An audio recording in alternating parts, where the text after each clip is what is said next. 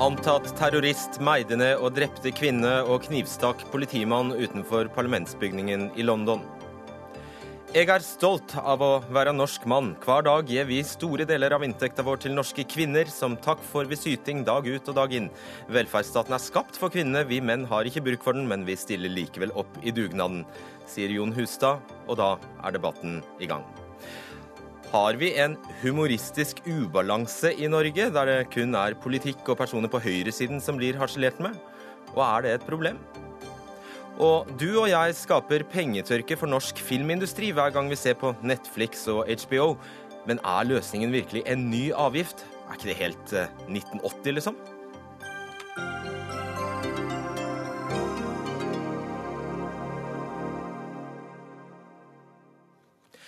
Dette er Dagsnytt 18. Mitt navn er Fredrik Solvang. Lønnsoppgjøret i privat sektor er for en stor del over i privat eh, sektor, altså, og resultatet ble et tillegg på 2,4 Best ut kommer lavtlønte og kvinner. Og slik pleier det jo å være her i landet. Lønnssystemet vårt tar sikte på å tette spriket mellom gruppene og kjønnene.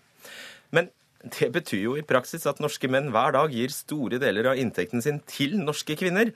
Og hva er takken? Jo, syting dag inn og dag ut, hevder du, journalist i Dag og Tid, Jon Hustad. Eh, hvordan kan du påstå at du sponser norske kvinner? Hvis du melder inn i SOS Barnebyer, så får du et brev fra en som du sponser hvert år. Og Jeg har ofte tenkt på dette, at jeg syns jeg kan få et brev. I år betaler jeg vel 400 000 direkte skatt, og så har vi indirekte skatt som arbeidsgiveravgifter og særavgifter på alkohol og bensin. Så røftlig betaler jeg vel 650 000 inn til staten eh, hvert år.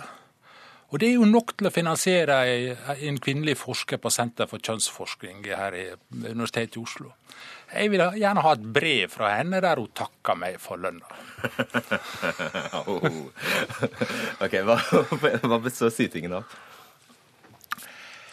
Det er denne evige påstanden om at kvinner tjener mindre enn menn. Og det gjør jo de, men det gjør de frivillig. Likelønnskommisjonen til Anne Enger Lahnstein fastslo at det var lik lønn for likt arbeid i Norge. Men hvorfor tjener menn mer?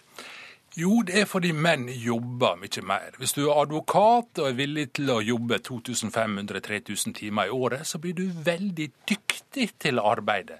Fordi da lærer du det gjennom arbeidet. Akkurat sånn som Martin Ødegaard, som får veldig mye penger fordi han er i kontrakt med Real Madrid. Sånn er det i arbeidslivet også. Dess mer du øver, dess mer produktiv blir du, og desto mer tjener du. Ålreit. Trine Lise Sundnes, forbundsleder i Handel og Kontor, som da er et av de største forbundene i eh, LO. Dere ble nettopp enige med Virke om et lønnstillegg på 5300 kroner til ansatte i varehandelen, hvilket da betyr at eh, varehandelansatte ikke lenger er en lavtlønnsgruppe, fordi de tjener over 92% av industriarbeiderlønna. Eh, når så mange hos deg er kvinner, eh, så har vel Hustad et poeng i at mennene sponser kvinner? Altså Jeg setter pris på at Hustad reiser debatten knytta til til eh, lønnsdannelse i det norske arbeidsmarked. Eh, men å gjøre dette til en kjønnssegregert debatt om eh, skatte- og avgiftssystemet vårt, det tror jeg har lite for seg. Da kunne vi på en måte Han har en sånn ensidig tilnærming. Du vil ha takkekort fra kvinner som har jobb, og jeg vil ha takkekort fra menn i fengsel. Altså, Vi kan ikke holde på sånn. Men det som er viktig, det er å gå inn i de bakenforliggende årsakene til hvorfor det er sånn. Og det er jo kjempebra. Jeg vet at du er en god graver, så du, dette kan du hjelpe oss med.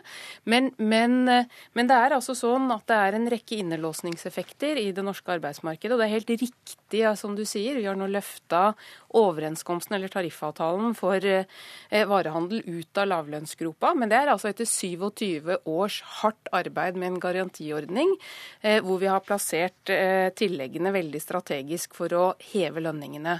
Så det er fullt mulig å gjøre noe med det. Eh, det vi ser, vet av forskning, er jo at f.eks. sentrale tillegg gjør mer for å løfte kvinner enn enn desentrale tillegg. Vi vet at kvinner straffes lønnsmessig i karriereveien pga. småbarnsfase osv. Vi vet at det er flest kvinner som har de midlertidige kontraktene. Vi vet at det er masse hull i tjenestepensjonsordningene som først og fremst rammer kvinner.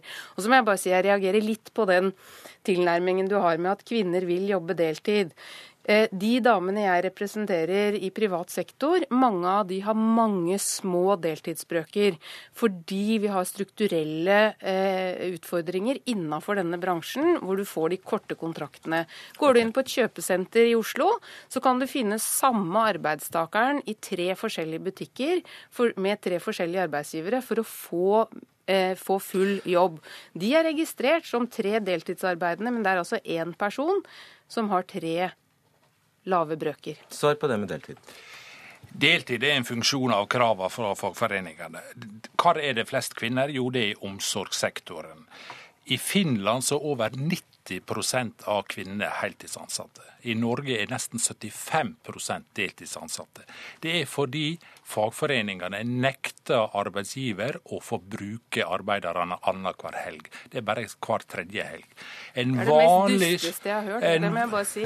En vanlig, eh, en vanlig avdeling på en sykehjem med ansatte som bare skal jobbe tre, eh, hver tredje helg, vil i snitt bare kunne ha en brøk på 44 sier NOU-utvalget, som var ledet av Steinar Holden. Men det forklarer jo for så vidt ikke en butikkansatt, da.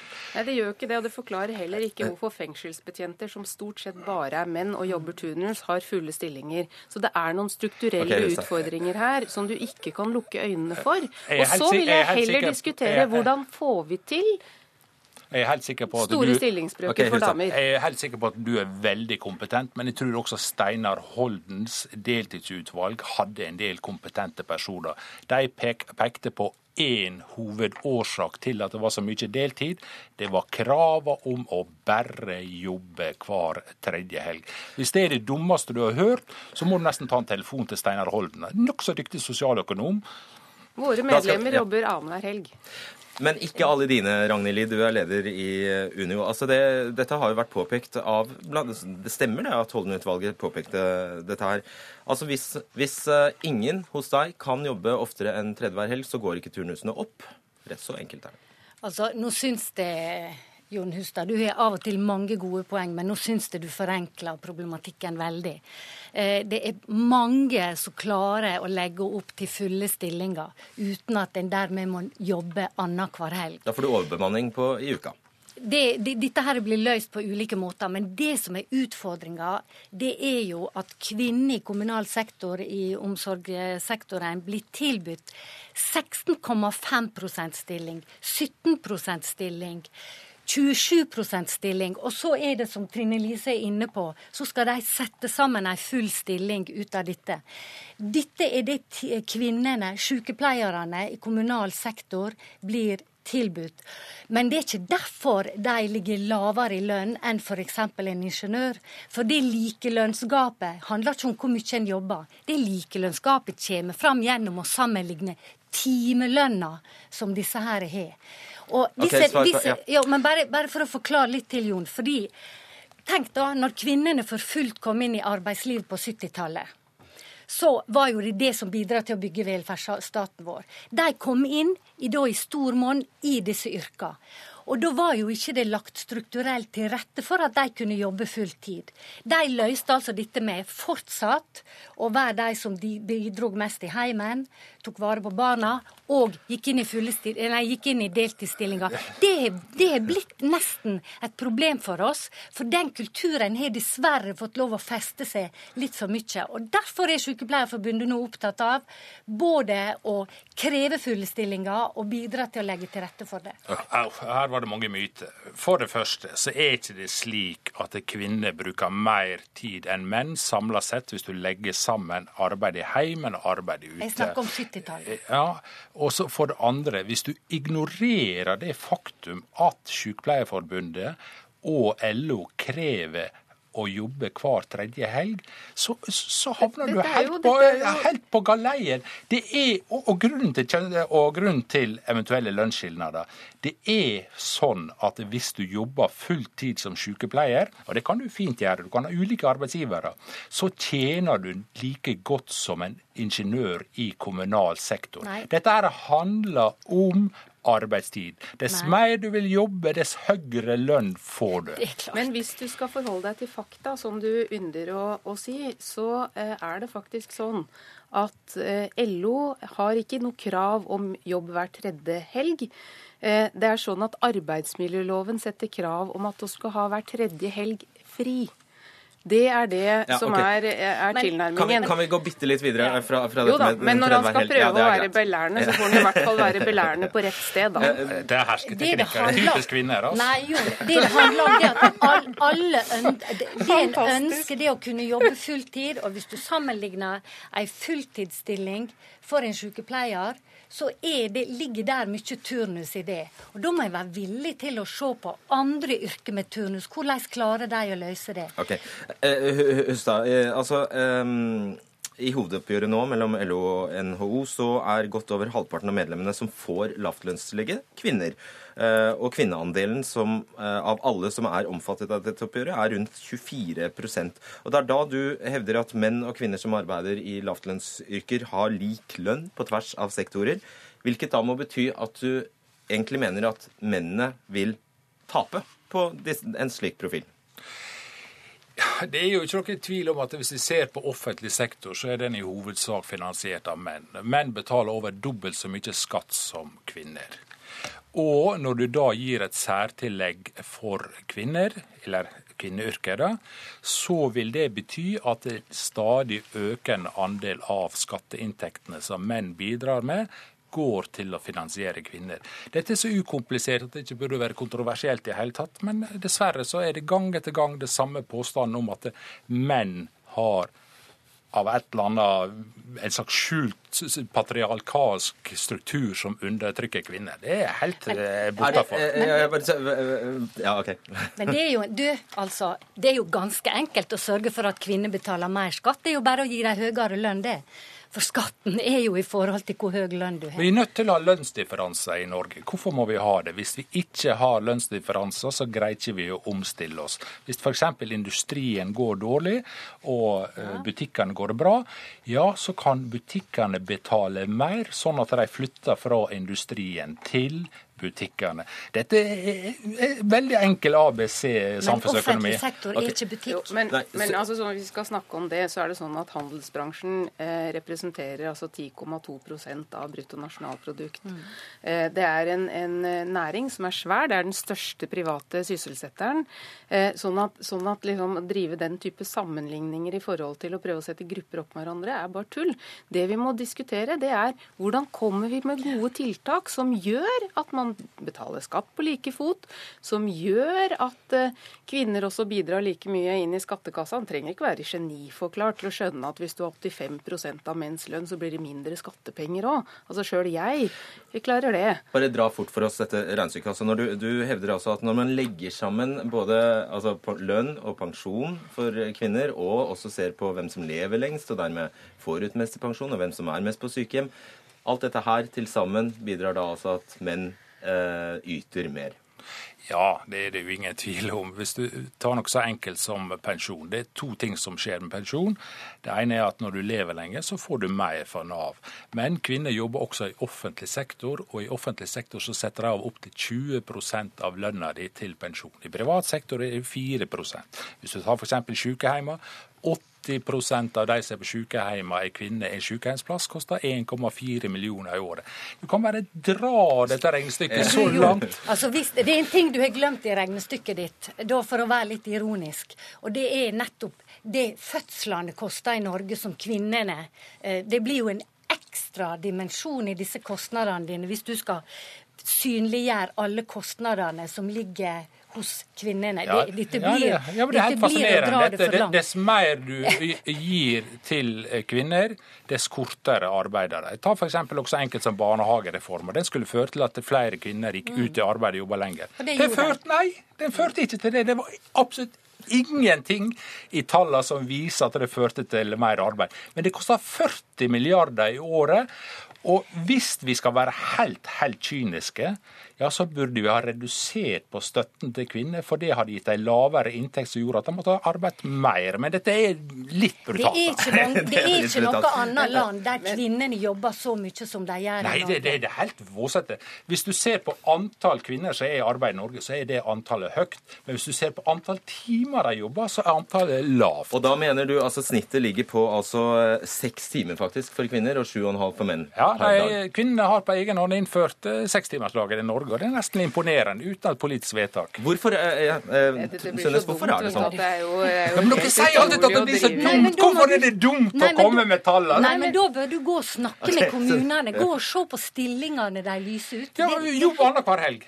Ok, det, det ikke, det, det blir en forenkling. Okay, bare, bare om. Men, men bare for å Ja. ikke Det må jo være god radio for de som lytter til og beklager, Ja, ja. altså. Det er, eh, Det men, er men i hvert fall, altså sånn jeg har bare lyst til eh, i forhold til pensjon. Altså privat pensjon, 2 eh, betales inn i forhold til tjenestepensjonsordningene for de medlemmene jeg representerer. Ja, det er Det er lavt. eh, Og så kan- og så kan man si at det, liksom, det gikk noe mening å si at kvinner får, eh, får mer pensjon fordi vi lever lenger. Det er jo ikke sånn at vi skyter menn som, eh, som eh, drar på seg noen år eh, ekstra. Eh, altså, vi får mindre, mindre per måned og per år eh, i pensjon enn det menn gjør, fordi pensjonen smøres ut over flere år. Men så kunne jeg godt tenkt meg at vi behandla eh, pensjonsspørsmålet på lik linje som vi gjorde med bilforsikring. Bilforsikring ble jo tatt med buksene nede i Likestillingsombudet for 10-12 år siden, hvor det ikke var, for, hvor ikke var lov å forskjellsbehandle premiebetalingen mellom kvinner og menn, selv om over 80% av alle skader var forårsaka av menn. Så du vil at menn skal betale enda mer pensjon for kvinnene? Jeg vil at eh, vi skal se på hverandre som folk. Altså, Du og jeg. Ja. Siste ord til deg, Lid, og så må Altså, vi si jeg mener Det er litt sånn tullete å lage konflikt ut av dette.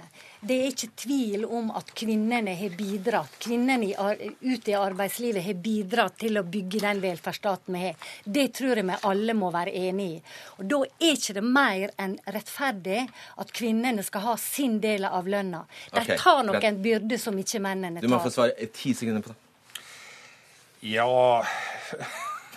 det, ja, bare Fortsett sånn. Si at vi ikke skal sette grupper opp mot hverandre, og si samtidig at kvinner skal ha høyere lønn. Ok, takk setter Jeg sier hvordan skal vi få høre vi Jon Hustad. Ragnhild Lid, Trine Lise Sundnes, takk. Dagsnytt 18 alle hverdager klokka 18.00 på NRK P2 og NRK2.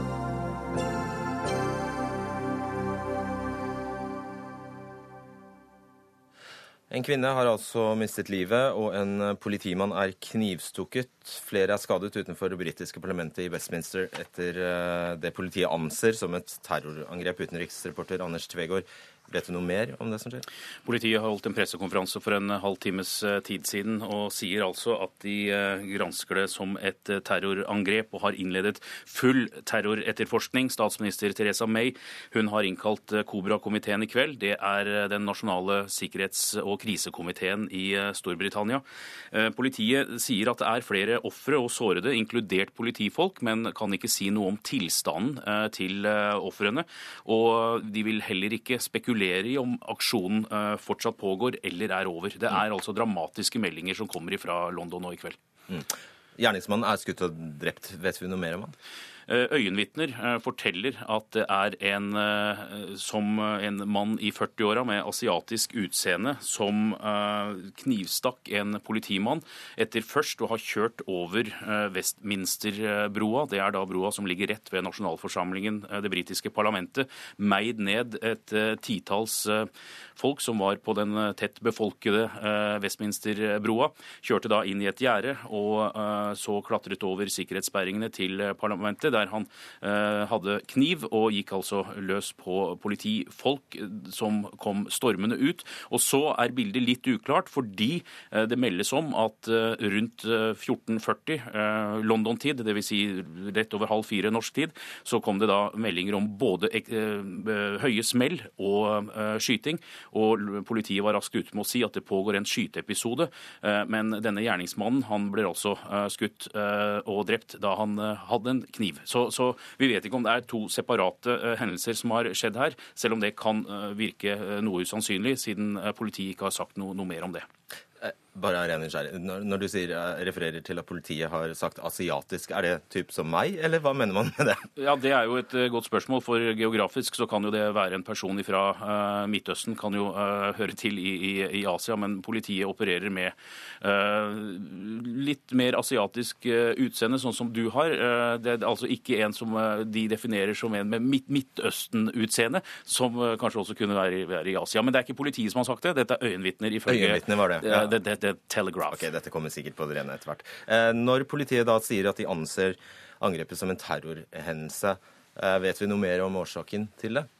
Eh, de mener jo at uh, dette er en terrorhandling når uh, flere titalls personer blir meid ned over en bro, og det er et målrettet angrep mot det britiske parlamentet. En kvinne er også for en halv time siden trukket opp av Themsen med alvorlige skader i, i live.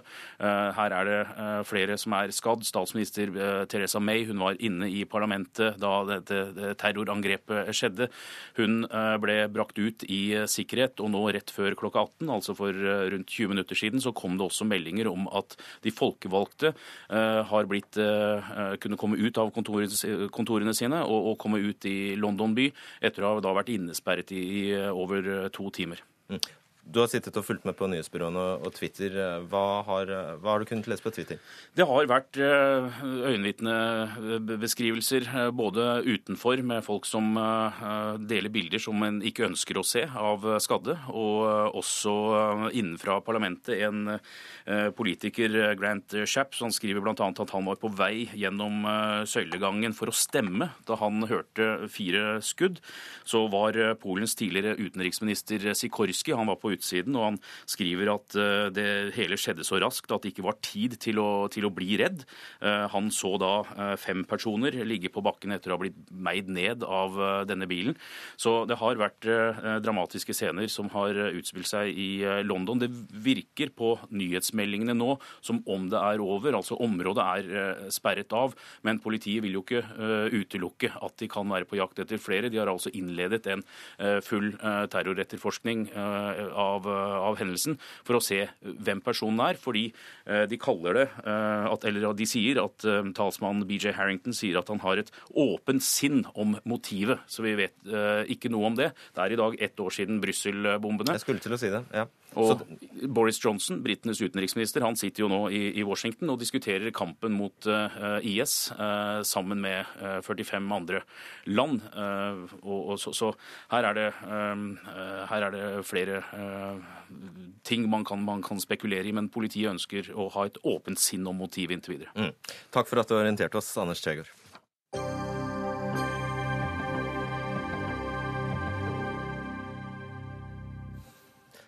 Skjønner litt hvorfor kristenkonservative reagerer på mainstream media når, når, når, jeg ser Nytt på Nytt, skrev Klassekampens redaktør Bjørgulf Brånen på Facebook på fredag.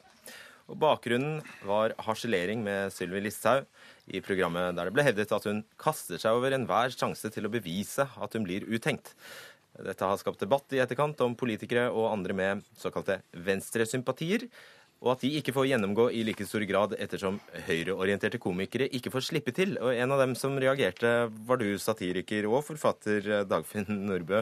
Du skrev da i en kronikk i VG at uh, det ikke er hold i Bronnens påstand. Men uh, altså, før vi snakker om, om hvorfor, kan du forklare oss hva er venstrevridd humor, og hva er høyrevridd humor?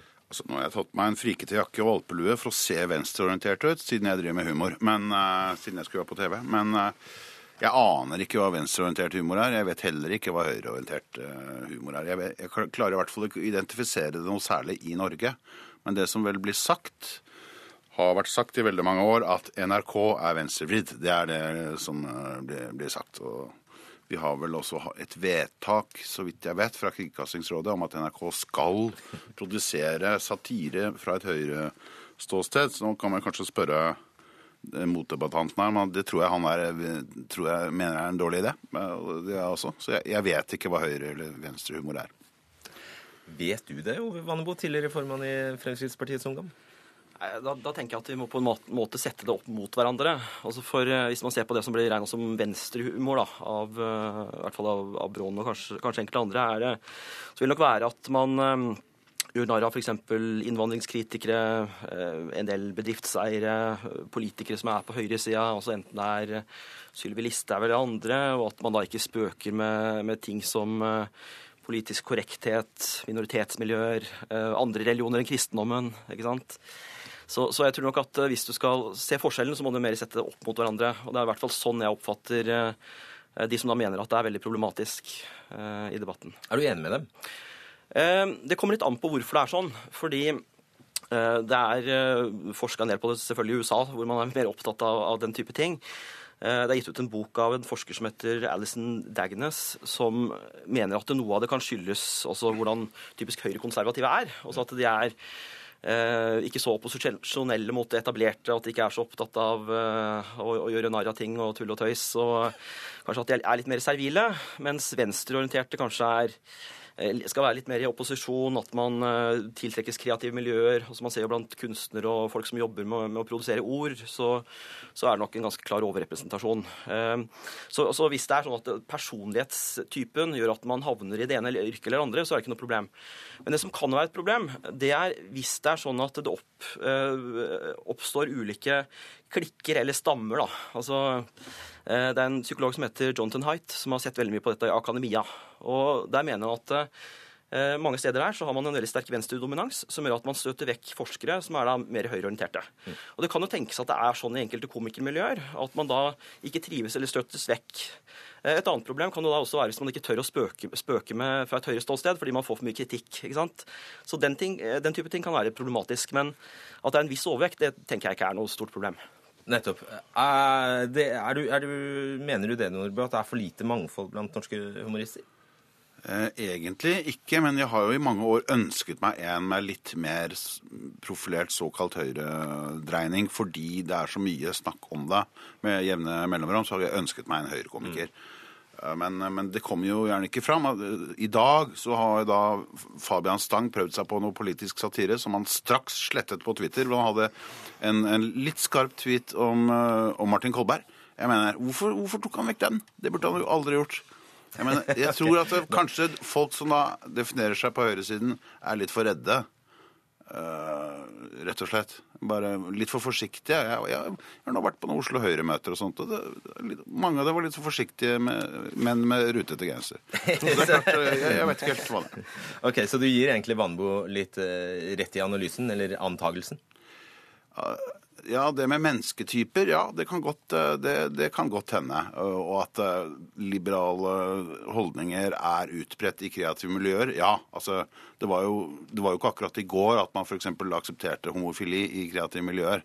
Men i, i, politikken så tok jo det fryktelig mange år. Så, ja. Og så poengterer du at satire skal jo alltid gå etter makta. Ja. Nå har vi en, uh, høyre, en høyreorientert uh, regjering, og da er det den man går etter. Er det så enkelt for deg? Egentlig ja. I Hallo i uken, da jeg ja, jobbet der nå i 20 år, liksom. Og det er klart, åtte år med rød-grønn regjering, ja, men de fikk jo så hattene passa hver eneste sending.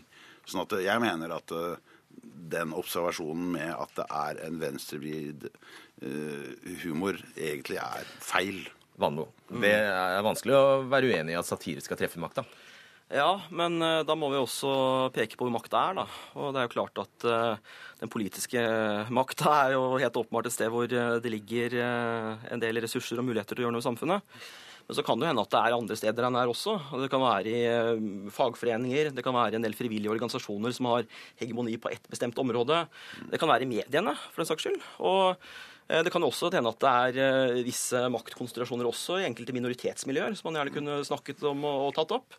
Så, så, jeg tror at uh, hvis man skal praktisere det mer konsekvent, så må det også være flere aktører, og ikke bare Listhaug fordi hun nå tilfeldigvis sitter ved makta, selv om man selvfølgelig også bør kunne gjøre narr av det. Mm. Ja da, men det, det, som jo er saken, er at humor i mediene. Det handler jo gjerne om de aktuelle sakene som tas opp i mediene. Eh, ikke sant? Så man har ikke nødvendigvis et hvilket som helst valg for å gå og si nei, nå skal vi ha litt moro med, med minoriteter. For det må være en dagsaktualitet i de sakene. Man kan ikke velge. Du har gjerne ja, 50 saker du må velge i, og så er det tre av de som er store, så må man velge de. Og det med altså humor mot minoriteter, ja, det ble gjort i 2001 liksom allerede. med med vitser mot minoriteter, som f.eks. Shabana og, og disse Tønne gjorde. Og det er 15-20 år siden. sånn at, ja. Ja, nei, Det er ikke noe tvil om at det også finnes det man kan se på som høyrehumor. Altså, det er mange som har ment at det Bård Tufte Johansen og Harald Eia gjorde i Åpen post og, og de etterfølgende seriene, hadde også et spark fra høyresida, hvor man gikk løs på byråkrati og, og strukturer og, og sparka i alle retninger. Og venstreorienterte lærere, altså han Mosleth, mm. han med krøssklipping. Ja, ikke sant? Det var jo masse, det var masse høyreorientert humor der. Ja, så, så, jeg tenker at uh, det, er, det er ikke nødvendigvis gitt at, det er, uh, at noen da mener at det svinger andre veien nå, da, eller i, i venstreretning. Men mm. det jeg tenker kan være problematisk, er jo da igjen hvis det er visse ekskluderende mekanismer. da, altså Når folk på venstresida er veldig opptatt av strukturer som utstøter møter andre mennesker, eller er veldig opptatt av mangfold i, i andre sammenhenger, så må jo også dele det, det politiske mangfoldet eller meningsmangfoldet også innenfor eh, gjerne komikermiljøer. Men, men nå, var jo, ja, nå var jo Vanbo Utgangspunktet her var jo uh, Nytt på nytt. Ja. Uh, Norges mest populære TV-program. Det er jo ikke én million, eller godt og drøyt én million sosialister som setter seg ned og humrer og ler av Nytt på nytt. Nei, nei, men da tenker jeg også at man må se bakgrunnen for den debatten. Altså det, det, man skal huske er at Den som opprinnelig sparka denne diskusjonen i gang, var jo eh, Klassekampens redaktør, som åpenbart åpenbart ikke er noen eh, høyreradikaler, eh, som da pekte også at han kunne veldig godt forstå eh, at f.eks. kristenkonservative eller en del på høyresida følte seg ekskludert i de mer etablerte kanalene.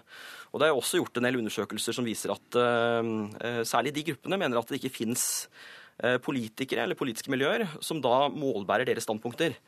Så, så, jeg tenker at uh, igjen, det er jo selvfølgelig ikke svart-hvitt, men, men, hvis det er sånn at det er bestandig ett sted det sparkes mot, så tenker jeg at man i hvert fall bør ta en diskusjon, da, om det er sånn man ønsker å ha det. Ja, vi må ha penger. Civita Fritor må inn, og så bare må dere lage en ordentlig høyrekomiker.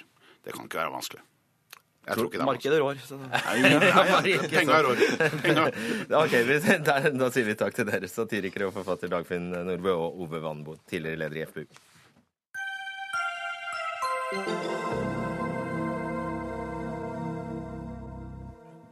Økonomisk kriminalitet blir oftere henlagt eh, sammenlignet med annen kriminalitet. Og også oppklaringsprosenten er lavere enn ellers.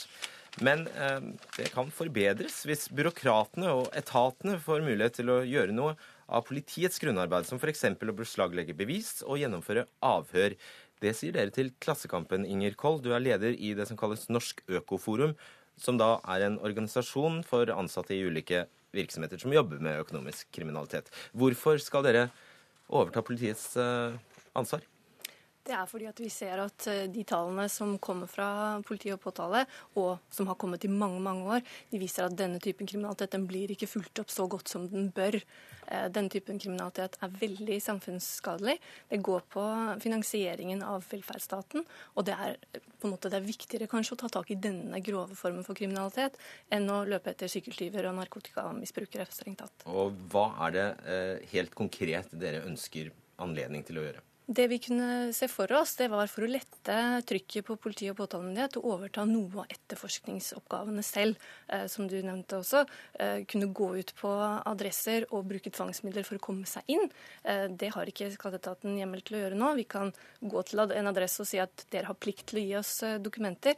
Men dersom eh, de som er der inne sier nei, det vil vi ikke, vi låser døren, så kommer vi ikke inn. Eh, da mister vi de bevisene. De kan da bli ødelagt, de kan bli destruert. ikke sant? Og vi kommer ikke noen vei med en straffesak eller en skattesak engang, fordi at eh, vi får ikke tilgang til viktige, viktige beviser. Kan dere disse greiene? Ja, og det er jo det andre også. Jeg vil gjerne fremme et godt spørsmål. Vi er jo eksperter på å analysere denne type dokumenter, og det er jo ikke politiet. Eh, hvorfor ikke bruke kompetansen der den faktisk ligger, og så få frigjort eh, tid og krefter og ressurser hos politiet, sånn at de kan behandle andre typer straffesaker, f.eks. Eh, bedragerier anmeldt av næringslivet og privatpersoner. Hm. Høres fornuftig ut, egentlig. Anders Werp, stortingsrepresentant for Høyre. Men jeg forstår da at det er tommelen ned? Jeg syns det er veldig bra at vi har flere fagmiljøer som jobber for å redusere økonomisk kriminalitet. Men jeg tror det er viktig i et eh, demokrati eh, at vi opprettholder også noen prinsipper. Eh, og, og i dette tilfellet prinsippet om at statens voldsmonopol, og vi kan bruke det uttrykket da, det er det kun politiet som har og skal ha. Uh, og av den grunn, ut fra en prinsipiell tilnærming, så tror jeg vi skal uh, ikke rokke ved det. Er det også et prinsipp at 9 eh, av økonomisakene skal henlegges? Er ja, det et prinsipp? Det er på ingen måte et prinsipp, og det er ikke bra nok i det hele tatt. Derfor er det mye mer tro på at vi skal etablere samarbeid med skatteetaten, med toll, med andre som jobber for disse for å oppklare disse sakene, legge forholdene til rette for politiet, så at de kan foreta Eh, samfunnets oppfølging og bruke de maktmidlene Stortinget og samfunnet har gitt, og kun til eh, politiet. Og eh, Vi har jo oppretta flere sentre mot arbeidslivskriminalitet. Det er veien å gå, tror jeg. Jeg tror vi skal senke terskelen for å kunne inndra utbytte av økonomisk kriminalitet. Det vil ha store Ok, Ikke ta hele En ting, en ting av gangen. Altså, kan, du, kan du prøve, Koll, å forklare eh, hvordan tallene ser. Hva er det man går glipp av? Hvordan ser tallene ut? Nå nevnte jeg at 9% av økonomisakene blir eh, henlagt, men av kapasitetshensyn, altså. Eh, men dere mener det finnes store mørketall også? Ja, vi tror nok at tallene er enda verre enn det som fremkommer i, eh, fra resultatene som POD, Politidirektoratet, kommer med. Og det er også fordi at gjennom, som jeg nevnte innledningsvis, at gjennom en lang tid så har politiet henlagt saker. og Det betyr at eh, kontrolletatene, som jo også jobber på, på måltall, de ser at OK, skal vi bruke en uke på å skrive en, en, anmeldelse hvis vi vet at den blir henlagt? Nei, da vi har avdekket den saken. Den er alvorlig kriminalitet. Men vi bruker ikke tid på det. Vi tar heller en annen sak. De lar heller være å anmelde, de lar heller være å si fra til politiet, for de vet det er bortkasta. Bortkastet på en måte fordi at det vil ikke føre til noe. Samtidig så blir den jo da ikke synlig på statistikken. Og da er det jo ikke fullt så imponerende at eh, statistikken fra politiet Verp viser at andelen økonomisk kriminalitet ikke øker? Nei, det er ikke bra i det hele tatt. Eh, den må bli bedre. Jeg er helt enig eh, at vi, vi, må eh, løfte flere i fellesskap for å løse mer av den økonomiske kriminaliteten. Vi ser at den øker. Den truer viktige fundament i, i, velferdsstaten. Så vi har alle en sterk og betydelig interesse i å, å bekjempe dette. Da Men hvorfor jo... ri, ri, dette prinsippet når, når, når, beskrivelsen er såpass eh, alarmerende? Det er jo ikke snakk om å ri prinsipper, det er jo, det er jo snakk om å ha klare, klare, regler. Og vi ser jo også at restansene hos politiet i den store bunken av straffesaker de hadde liggende for bare noen få år siden, den er kraftig redusert. sånn at nærpolitireformen er jo også et grep her for å styrke politiets arbeid, bl.a. mot eh, økonomisk kriminalitet, i flere fagmiljøer. Nå blir det altså meget bedre med nærpolitireformen, Koll. Ja, jeg vil bare si til det, til det Verp sa her om at uh, vi må passe på prinsippene. og Det er jeg for seg enig i. At uh, utgangspunktet er flott at politiet har jeg kaller det ikke maktmonopol, uh, unnskyld, ikke voldsmonopol, men maktmonopol. Det er politiet som etterforsker ja, Det er utgangs, et veldig godt utgangspunkt. Men samtidig så har jo allerede Stortinget gitt bort den kompetansen til andre forvaltningsorganer, f.eks. For Konkurransetilsynet. Mm. De har adgang til å gjøre akkurat dette, å gå inn og sikre bevis. Man må alltid ha en kjennelse hos retten, selvfølgelig. Det ville jo også gjeldt for skatt.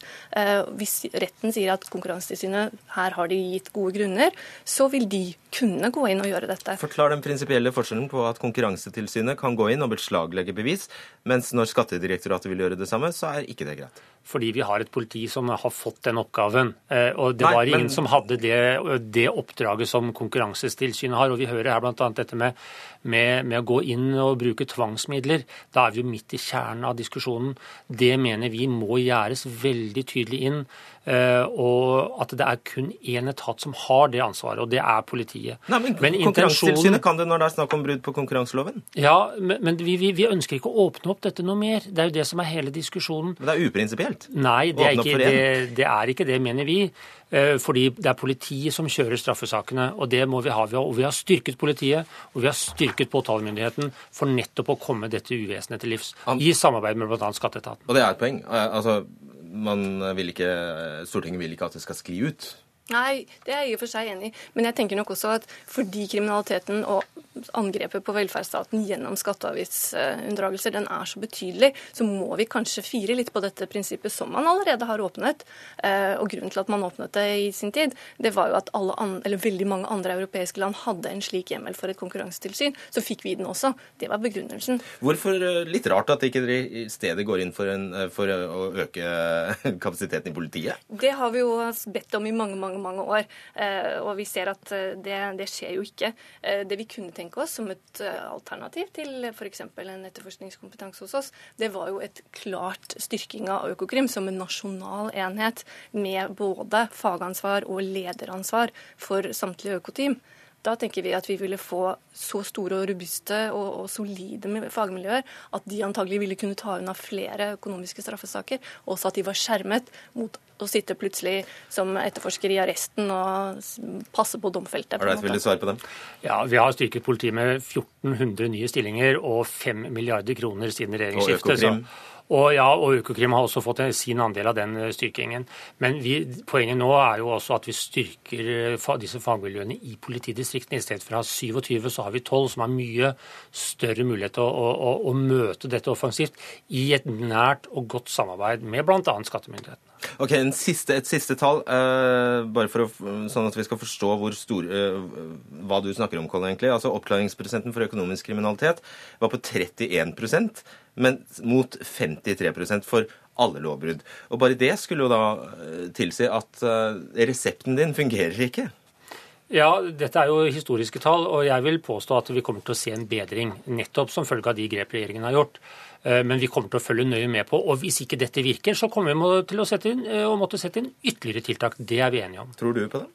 Jeg kan jo håpe, og så tenker jeg at eh, stortingspolitikerne kan se til andre land. Det er altså 28 land som har gitt eh, skatteetatene sine en slik etterforskningskompetanse. Og det er liksom ikke bare rare land. Det er type Sverige, Tyskland, eh, Nederland, Spania, UK, Irland, USA.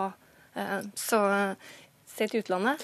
Det funker der. Altså Avhørsteknikk er jo, hvis jeg, som hvis jeg har forstått rett, et eget uh, fag som faktisk krever en del uh, kompetanse. Og I forrige uke så hadde vi her i NRK uh, saker som viste hvor alvorlig det kan bli hvis, man ikke, hvis politiet da ikke holder seg til de avhørsreglene som finnes. Og nå skal dere inn og ja, drive avhør. og... Da måtte vi jo få hevet vår kompetanse på dette. Dette er ikke noe man kaster seg ut i uten skolering. Så da måtte man trene opp og, og gå på, ja, ta kurs på Politihøgskolen, få opplæring av Økokrim for å håndtere den type situasjon. Absolutt.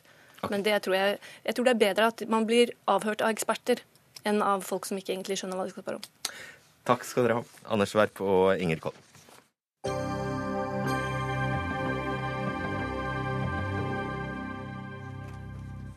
Jeg tror det for så vidt ikke før jeg hører det, men vi skal gjøre et nytt eh, forsøk på å snakke med Espen Aas i eh, London. Er du der? Espen Aas eh, i London er her utenfor Scotland Yard, rett ved Westminster-palasset, som altså fortsatt er avstengt. Nå er det mye aktivitet utenfor Scotland Yard her, som betyr at politiet har tenkt å informere noe om hva de vet innen kort tid, kanskje i løpet av en fem til ti minutter. Eh, for de som følger Dagsnytt 18 på TV, så kan de kanskje se at det i bakgrunnen her eh, er en del pressefolk eh, og kameraer og lamper til stede. Så forhåpentligvis får vi kanskje nå den første eh, orienteringen fra eh, politiet etter de mange timene med usikkerhet eh, rundt her i sentrale London. Espen, jeg leser her på byråmeldingene at politiet fortsatt leter etter én av to personer som er antatt å ha stått bak disse angrepene. Er det snakk om to nå? Det har gått en del rykter, bl.a. så var det en kollega i BBC som fortalte at eh, han mente han hadde sett to menn. Eh, en skallet og en mann med et, eh, et, et lite skjegg, som begge var involvert i denne hendelsen på broen som befinner seg midt imot fra hvor jeg står nå. Vi hører jo også Big Ben slå sine kvartersslag her i bakgrunnen. Men det er ikke bekreftet noe som helst, rett og slett fordi politiet politiet ikke har sagt noe. Men jeg har også hørt andre snakke om at det skulle være to menn involvert. Men vi må også huske på at eh, dette var en svært eh, kaotisk eh, hendelse. Eh, snakket med en folkevalgt eh, representant for partiet Labour i sted, som sa at hun fikk jo bare beskjed om å løpe fordi at noen skyter på Westminster. Og vi kan jo alle tenke oss hvordan en sånn beskjed må føles for en som er valgt inn til et parlament. Ja, og nå kom det, i det, snakket, i det du snakket nå, Espen, bekreftelse på at denne denne politimannen som uh, altså ble knivstukket, han er, uh, han er dødd. statsminister Theresa May har innkalt til et krisemøte. Hva betyr det? Det betyr at uh, hun innkaller til det som gjerne kalles uh, et møte i Kobra-gruppen, som er altså da de høyeste altså, de høyest plasserte personene innenfor politi og etterretning. De skal da mest sannsynlig møtes i Downing Street nummer 10, bare få minutter fra hvor jeg står nå, for å få en orientering, men også legge en plan dersom det er eh, ment at det er nødvendig å eh, planlegge videre, eller om kanskje dette da bare er én enkelt eh, hendelse, som jo ble svært skadelig for de som var involvert, og også dødelig. Foreløpig så er det jo også bekreftet da to personer som er døde i det som skjedde for noen timer siden. Takk skal du ha, Espen Aas i London.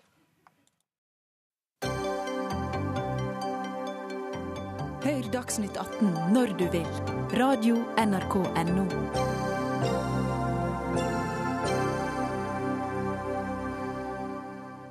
De nye strømmetjenestene som HBO, Sumo, Netflix har gjort det mye lettere å se film. Men her i Norge har de også gjort det vanskeligere å lage film. Og Grunnen er at de store tar alle penga, og heller investerer dem i utlandet enn i dyre Norge. Og Derfor har Norsk Filminstitutt prøvd å finne ut hvordan norsk filmbransje skal overleve i årene framover på oppdrag fra Kulturdepartementet. Nå har NFI bestemt seg. HBO, Netflix og de andre må enten investere i norsk film eller betale en avgift. Hvor mye, eller nei, hvor, hvordan har dere kommet fram til den slutningen, direktør i NFI, eh, Sindre Gullvåg? Vi er, som du sier, blitt bedt om å se på et EU-direktiv eh, e som heter AVMS-direktivet, som da regulerer, eller som forklarer hvordan man kan regulere eh, eh, leverandørene som leverer strømmetjenester i markedet. Og da ser vi at når filmene distribueres over strømmetjenestene, så faller norskandelen. Og i tillegg så tror vi også at andelen som betales til norske aktører, blir lavere. Så for å fortsatt sikre at vi har godt kvalitetsinnhold og tilby seerne av eh, norske audiovisuelle produksjoner, så tror vi at eh, det er viktig at vi får disse eh, nye aktørene til å være med og betale og investere i, i det hele. Og da har jeg rett, det er snakk om en avgift? Da er det snakk om en avgift, som kan være ett alternativ. Men det kan også være slik at de kan betale direkte i produksjonen. Og da, ifølge vårt forslag, så vil de da slippe avgiften. Alright, Men hvorfor skulle i alle, verden, i alle dager skulle gidde å betale den avgiften? Jo, fordi da behøver, de, da behøver de ikke å ta stilling til hvilken produksjon de skal investere i. Og har heller ingen risiko forbundet med det. Ok. Eh, det er bare eh, veldig kjapt til det med at andelen norsk eh, blir lavere. Er ikke det ganske naturlig når du plutselig får tilgang på tusenvis, kanskje millioner av titler som er utenlandske? Da synker jo selvfølgelig den norske andelen. Eh, jo, det kan du si. Eh, men det er jo også tilfellet eh, for kinodistribusjon, f.eks. Hvor vi kan plukke kinovisning fra alle verdens filmer. Men likevel ser vi at på norsk kino så er markedsandelen mellom 20 og 25% Så der har vi en høy norsk markedsandel. Men med en gang vi kommer over til nytt, en ny visningsplattform, så synker den betydelig. Og, og, det er nødvendig at den skal kunne være på et visst nivå for at norske borgere skal få se audiovisuell produksjon på norsk som tar for seg eh, problemstillinger som det norske samfunnet er engasjert i, tar vare på norsk kultur osv. Mm. Og du viser til utlandet og dette, dette AVMS-direktivet, var det ja. det du kalte det? Ja. Okay. Eh, fungerer dette det du foreslår i andre land? Eh, ja, det brukes i andre land. Og eh, det kan eh, brukes på forskjellige måter. Hvilke da? Eh, det brukes av mer eller mindre av de aller eller de fleste land i Mellom-Europa og Sør-Europa på forskjellige måter. Enten ved at de fremmer nasjonale eh, produksjoner i, i, katalogen, eller at de tar avgift av eh, den produksjonen som blir distribuert. Okay. Og man har også nå begynt å ta avgift av internettleverandører som leverer over landegrensene. Nettopp. Torgeir Waterhouse, du er sjef for IKT Norge, som da er uh, bransjens uh, interesseorgan. Hva syns du om dette forslaget? Vi syns dette forslaget krasjer litt, for å si det forsiktig, med hvordan, både hvordan internett fungerer, og med det ganske viktige poenget her at uh, vi snakker her om filmer som allerede har betalt betydelig penger for å få lov til å vise og tilgjengeliggjøre, og i tillegg forbrukerne har allerede betalt. Så det, så det som snakkes om her, det er å legge en avgift på, på, på forbrukerens regning, egentlig. Og det er vi som skal betale? Du skal betale, Aha. selvsagt. Og Noen hevder jo alltid at det er selskapene som skal betale, men, men, så kan man lure på hvor kommer de pengene de har fra. Så øker kosten for dem, så øker også kosten for forbrukerne. Og bare de norske distributørene bruker jo allerede et eller annet sted mellom 2 og 3 milliarder, hvis ikke mer, på å kjøpe inn innhold allerede. Så det er jo ikke snakk om at det ikke er penger i spill her. Er, og det er ganske viktig å ha med seg. Og Når det gjelder norskandelen, så snakker de om at eh, ja, kanskje man skal kreve 40 europeisk, og at halvparten av det, dvs. Si 20% totalt, skal være norsk. Det vil jo bety at én av fem filmer som er tilgjengelig på en tjeneste i Norge, skal være norsk. Og hvordan skal man få til det uten å ekskludere da og si nei, vi får ikke lov å ha inn mer ikke-norsk, for vi skal ha norskandelen oppe. Du må bare lage masse masse norsk film, da. Ja, og det er, det er, faktisk et argument mot hele ordningen også. for da, Hvis du bare skal pøse på, så får du sånn serieproduksjon som ingen er fortjent med. Så, så det må handle om å få et perspektiv på hvor lite det norske markedet er, og hvor mye penger som allerede puttes inn i audiovisuelt innhold av aktørene.